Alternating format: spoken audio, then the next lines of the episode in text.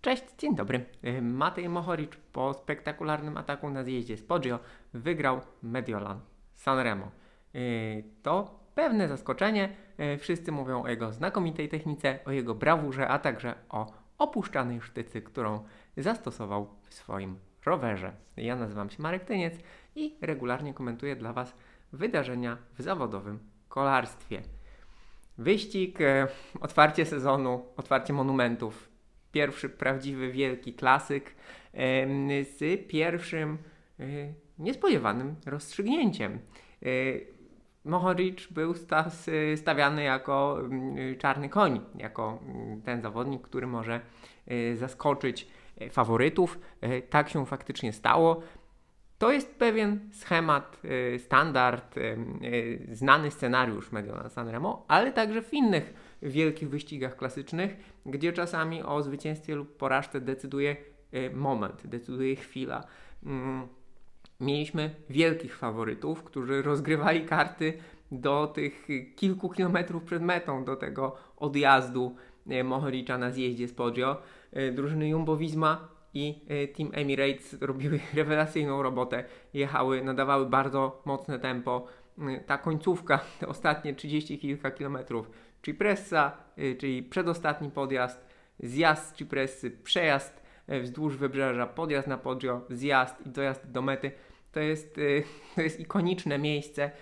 To jest ikoniczny scenariusz, który się rozgrywa niemalże rok w rok tak, tak samo, ale za każdym razem detale są inne. Y, Słuchajcie, Cipressa pokonana w jednym z, z jedną z najwyższych prędkości, e, praktycznie tak szybko jak w latach 90., gdzie tam działy się jakieś absurdalne rzeczy.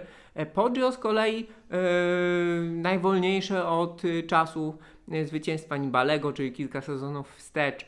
Mm, nie zmienia to faktu, że mimo, że Poggio pojechane nieco wolniej, to tam działo się bardzo wiele. E, Pogaczar szarpał 3-4 razy, robił co mógł, ale powiedzmy sobie szczerze, e, to jest e, za wysokie tempo. Te podjazdy, mimo zmęczenia peletonu, bo to jest po prawie 300 km jazdy, mm, Poggio realnie równo po 300, bo choć wyścig ma nieco mniej, to trzeba doliczyć jeszcze start honorowy mm, ulicami Mediolanu, w związku z tym tych kilometrów zawsze jest więcej w nogach to y, w związku z tym Poggio jest praktycznie 300 km po starcie, y, a i tak to jest za szybko, mimo tego zmęczenia to jest za szybko, żeby zrobić selekcję, Y, więc te ataki no, atomowe tak naprawdę, jeszcze tempo, które było nadawane przed Poggio, bardzo wysokie, to nie wystarcza przy obecnym y, bardzo wyrównanym poziomie, przy aerodynamice, y, przy naprawdę mocach, które są w stanie kręcić zawodowcy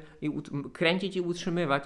Y, To takie szar- krótkie szarpnięcia na, przy tak wysokiej prędkości, jaka jest na Poggio czy na Cipressie, to jest tak naprawdę za mało, żeby zrobić różnicę.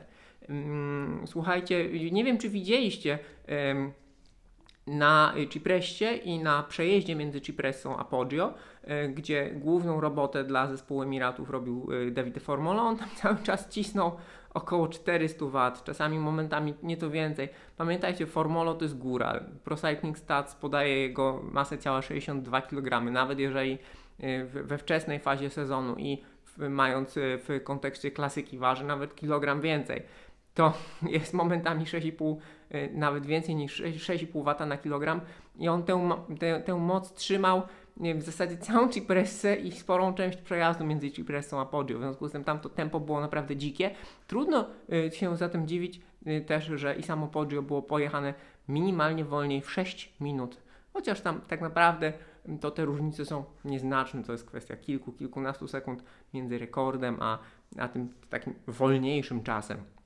Słuchajcie, co jest też istotne, y, to że mm, to zwycięstwo Mohoricza jest o tyle y, zaskakujące, a równocześnie typowe, że w tych wielkich klasykach, gdzie tak jak powiedziałem, często liczy się moment, decyzja i chwila, y, kiedy mamy wielkich faworytów, tak jak właśnie Pogaczara i Van Aerta, którzy mimo wszystko siebie pilnują. Oni są najmocniejsi, mają najmocniejsze drużyny, są największymi faworytami, są ekstremalnie zmotywowani i wszyscy na nich patrzą, to czasami jedno, dwa spojrzenia za, za wiele powodują, że mm, ktoś inny odjeżdża. Tym bardziej, że tutaj do tej rywalizacji wmieszał się Matthew Van Der Poel. Matthew Van Der Poel, który e, no, nie ścigał się, leczył kontuzję, mało się ścigał w przełajach.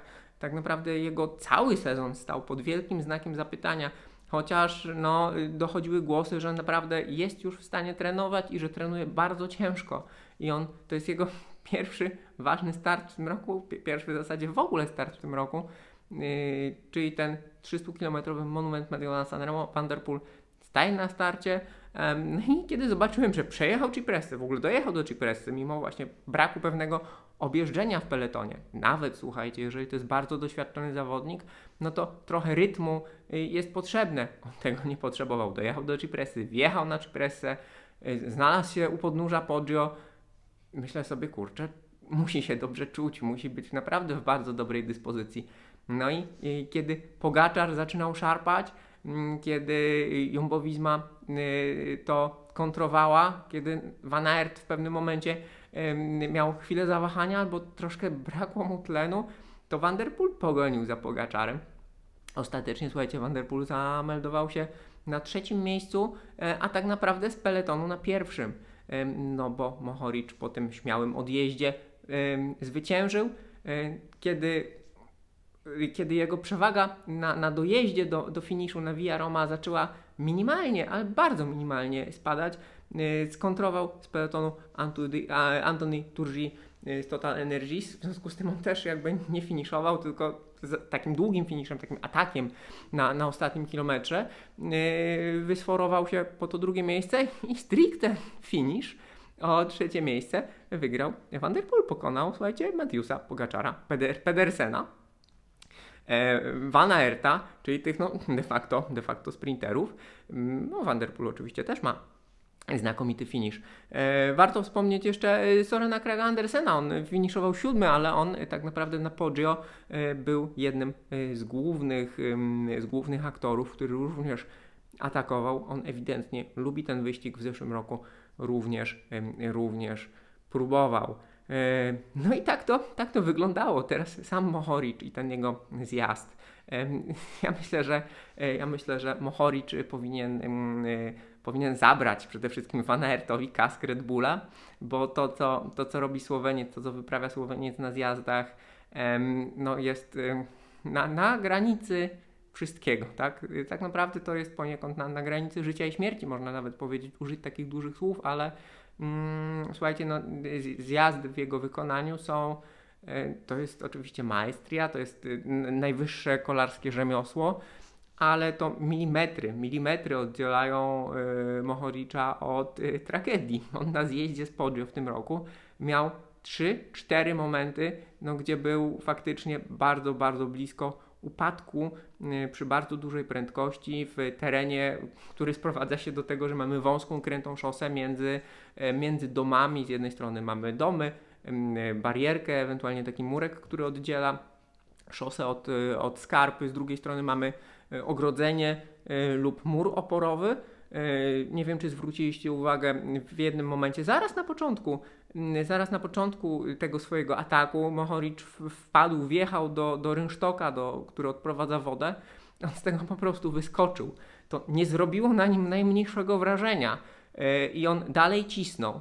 E, istotne jest to, że Mohoric nie był z tymi najszybszymi na szczycie podciu. Tam była niewielka różnica. Mohoric z nimi nie był. Potem bardzo szybko dogonił, przyspieszył, wepchnął się przed Pogaczarem na lewym zakręcie no i zaczął, zaczął szybko zdobywać przewagę, a Pogaczar, pamiętajcie, że Pogaczar przecież również jest znakomitym zjazdowcem. On tak naprawdę decydujący o zwycięstwie w Strade Bianca atak przeprowadził na zjeździe, co więcej na zjeździe szutrowym. No i dochodzimy teraz do elementu, e, o którym mówi e, cały kolarski świat, czyli o puszczanej sztycy. Tu, tu, widzicie, tu widzicie, jest taka w moim rowerze MTB. E, jest to znany sprzęt przede wszystkim fanom enduro, w drugiej kolejności fanom cross country, a teraz także fanom graveli. Niektórzy szosowcy testowali opuszczane sztyce wiele, wiele lat temu, nawet na Tour de France Ivan Basso używał jakiegoś prototypu FSA. E, no natomiast Mohoric e, ewidentnie nastawiał się na ten wyścig, testował to rozwiązanie. E, Została ta sztyca zamontowana w jego rowerze. Trzeba pamiętać o tym, że montaż sztycy opuszczanej jest bardzo, bardzo męczący, bo trzeba rozebrać naprawdę spory kawałek roweru, biorąc pod uwagę, że w rowerach szosowych mamy zintegrowane w zasadzie wszystko, więc tutaj też szacunek dla mechaników Mohoricza, którzy mu ten rower przygotowali. No i niewątpliwie, niewątpliwie to mu pomogło, bo pamiętajmy, że e, od zeszłego roku zabronione są różnego rodzaju aerodynamiczne pozycje, przyjmowanie aerodynamicznych pozycji na rowerze podczas jazdów takich, które y, przyjmował właśnie Mohoric, bo Mohoric bardzo ryzykował na zjazdach, w związku z tym on testował różne rozwiązania, y, pozycję super tak, czyli właśnie tą pochyloną do przodu, gdzie kolarz jest owinięty de facto wokół kierownicy.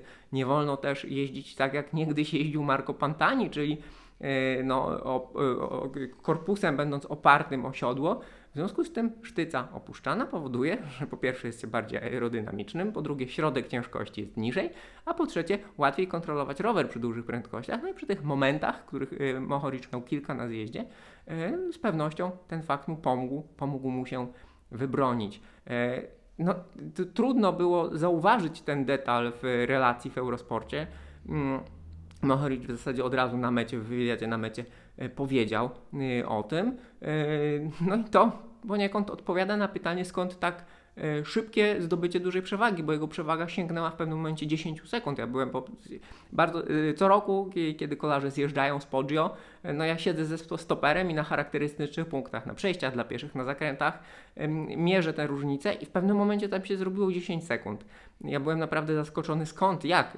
Wiedziałem, że Mohoric zjeżdża znakomicie, ale nie sądziłem, że aż tak. No i tymczasem okazuje się, że widocznie ten, ta, zmiana, ta zmiana sprzętu spowodowała, że on faktycznie bardziej aerodynamiczny i szybszy e, był. Istotne jest jednak to, że poza zdobyciem przewagi na zjeździe, on tę przewagę utrzymał na płaskim, utrzymał ją na dojeździe do mety na Via Roma, gdzie jest około 2 km.